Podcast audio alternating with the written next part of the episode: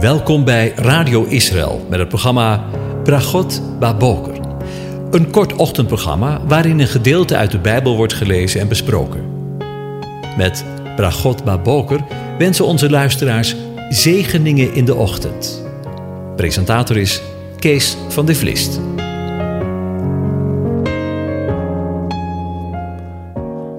Goedemorgen, beste luisteraars. Vanmorgen gaan we weer verder met het overdenken van een Messiaanse psalm. En deze keer is dat Psalm 72. Ik lees het in het geheel aan je voor. De vertalers hebben er boven gezet: Gebed voor Salomo. Voor Salomo. O God, geef de koning uw recht en uw gerechtigheid aan de zoon van de koning. Dan zal hij over uw volk met gerechtigheid recht spreken en over uw ellendigen met recht. De bergen zullen vrede, voor de volken vrede dragen, de heuvels met gerechtigheid. Hij zal de ellendigen van het volk recht doen. Hij zal de kinderen van de armen verlossen en de verdrukker verbrijzelen.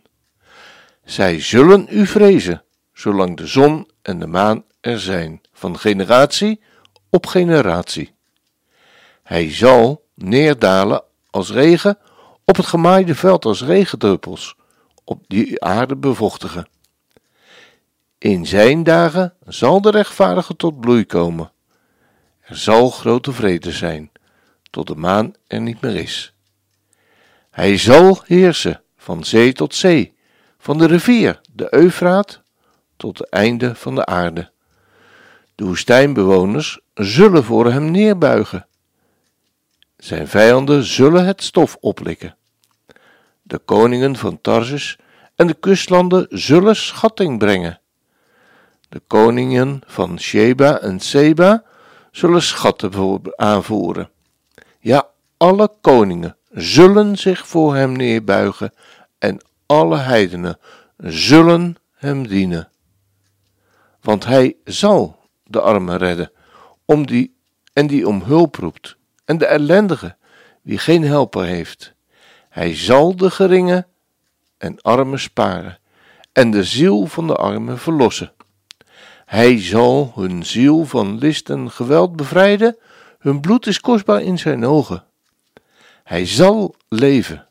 Men zal hem van het goud van Sheba geven. Men zal voortdurend voor hem bidden. De hele dag zal men hem zegenen. Is er een handvol koren op het land? Op de top van de bergen? De vrucht daarvan zal ruisen als de Libanon. De stedelingen zullen bloeien als het gewas op de aarde. Zijn naam zal voor eeuwig blijven. Zolang de zon er is, wordt zijn naam van kind tot kind voortgeplant. Zij zullen in hem gezegend worden. Alle heidevolken zullen hem gelukkig prijzen. Gelooft zij de Heere, de God, de God van Israël. Hij doet grote wonderen, hij alleen. Gelooft zij voor eeuwig zijn heerlijke naam. Letterlijk staat er de naam van zijn heerlijkheid. Laat heel de aarde met zijn heerlijkheid vervuld worden. Amen, ja, amen. Hier eindigen de gebeden van David, zoon van Isaïe. Tot zover. Over het koningschap gesproken.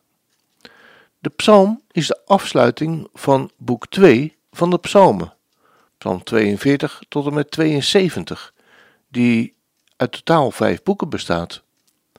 De psalm wordt door de verklaarders omschreven als een gebed voor de koning. Na de schrijver van de psalm is het niet moeilijk om te zoeken. David, die blijkbaar gezien het laatste vers op zijn sterfbed ligt, wanneer we de woorden lezen, hier eindigen de gebeden van David, de zoon van Isaïe. Voor wie de geboden bestemd zijn, is ook niet moeilijk te raden. Salomo. David die voor Salomo zijn laatste gebed uitspreekt. maar bij wijze van spreken over het hoofd van David en Salomo zien we een geweldige horizon verschijnen in de persoon van de geliefde en koning, beide met een hoofdletter. Hij blijkt een direct messiaans lied te zijn, een directe profetie over niemand anders dan de Messias, de toekomstige verlosser met een hoofdletter. In de psalm wordt op een geweldige manier gesproken over de koning. In de komende overdenkingen willen we stilstaan bij de inhoud van deze geweldige psalm. Voor Salomo. O God, geef de koning uw recht en uw gerechtigheid aan de zoon van de koning. Het opschrift van de psalm is kort en bestaat uit de woorden voor Salomo. In de Joodse Targum wordt het opschrift verder uitgewerkt en verschijnt de tekst door middel van Salomo profetisch gesproken. Daarmee geeft deze aloude Aramese vertaling aan dat Salomo in de tekst profeteert over de komende Messiaanse vorst. In de Targum lezen we letterlijk: O God, geef uw bepalingen aan de koning Messias. De tekst begint met een dringend verzoek tot God om de koning zijn wetten te geven en de koningszoon zijn gerechtigheid. En het is niet zomaar een verzoek wanneer David zegt: O God, want er is iets bijzonders aan de hand met het woord geven. Het Hebreeuwse woord voor geven kennen we allemaal, denk ik wel. Nathan. Je weet wel, hetzelfde woord als de naam Nathan, de profeet. Nathan is een Hebreeuwse naam met de betekenis hij heeft gegeven of geschenk. Met hij wordt God bedoeld. Ook kan het een verkorting zijn van Jonatel of Nathanael. Jonathan betekent net iets als Nathanael. God heeft gegeven. Alle drie de namen komen voor in de Bijbel. Jonathan was de zoon van Saul. Nathan was een profeet in de tijd van koning David. Nathanael was één van Jezus' leerlingen. Recht en gerechtigheid blijken dus een geschenk te zijn. Recht en gerechtigheid blijken dus niet vanzelfsprekend te zijn. En we zien dat eigenlijk elke dag wel om ons heen, wanneer we moeten constateren dat het tegenwoordige recht bij wijze van streken struikelt over de straten. Er is zoveel onrecht in deze wereld, daarom ook dit gebed om recht en gerechtigheid. Dat zou ook wel passen in de dagen waarin wij leven, denk ik. En het tweede opmerkelijke aan het woord Nathan kunnen we vinden aan de hand van de eerste keer dat het in de Bijbel genoemd wordt. In Genesis 1, vers 17, dat vertaald wordt. We gaan het eens lezen. En God maakte de twee grote lichten. Het grote licht om op de dag te heersen, en het kleine licht om de nacht te beheersen, en ook de sterren. En dan komt het, en God plaatste ze aan het hemelgewelf om licht te geven op de aarde. En God plaatste ze. En zoals God de zon en de maan plaatste aan het uitspansel, we zijn daar elke dag getuigen van, zo, wordt, zo zal God ook Psalm 72, zegt Psalm 72, in het eerste vers recht en gerechtigheid plaatsen, door middel van deze meerdere Salomo. De Messias, in deze donkere wereld, zoals de zon en de maan haar licht verspreiden. Als dat geen zegen is. Het Hebreeuwse woord voor zegenen is barach. Dat betekent heilzame kracht geven. Als God zegent, komt Hij zelf erbij. Zijn aanwezigheid is immers heilzaam en brengt shalom, vrede. Welke elementen er in de zegen van God meekomen, wordt misschien nog wel het meest duidelijk als we naar de Aaronitische zegen kijken in nummer 6, vers 24 tot 26. De Heere zegene en hij behoede u. De Heer doet zijn aangezicht over je lichten en zij je genadig. De Heer verheffen zijn aangezicht over je en geven je vrede. Deze woorden klinken meestal ook aan het einde van de kerkdienst. Deze zegen zit taalkundig buitengewoon krap in elkaar. In het Hebreeuws heeft het het eerste drie woorden en vijftien medeklinkers. Het tweede vers telt vijf woorden en twintig medeklinkers. En het derde vers telt zeven woorden en 25 medeklinkers. De godsnaam komt drie keer voor. Als je die eraf haalt, hou je twaalf woorden over, naar het getal van de stammen van Israël. Bij elke zin wordt de intensiteit hoger. Het laatste woord, vrede, is het zevende woord in de derde zin. Zeven verwijst naar volheid, harmonie en de Shabbat. We gaan luisteren naar de Aaronitische zegen, gezongen door Joshua Aaron.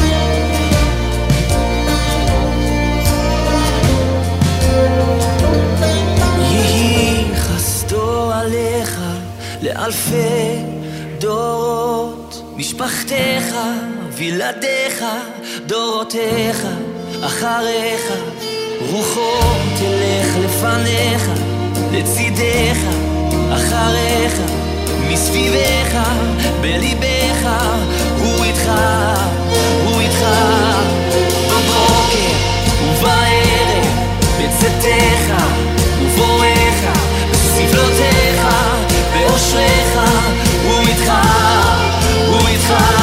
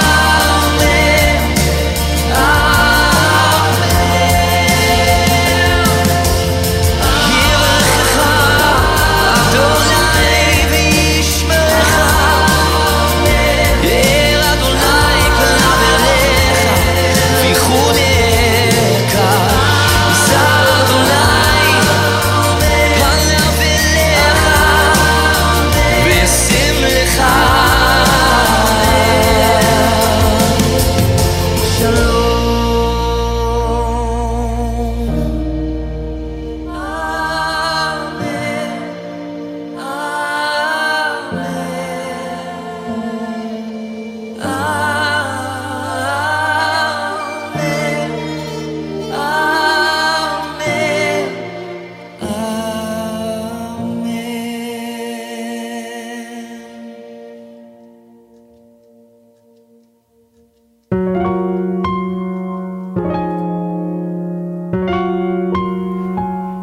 U hebt geluisterd naar het programma Bragot Baboker.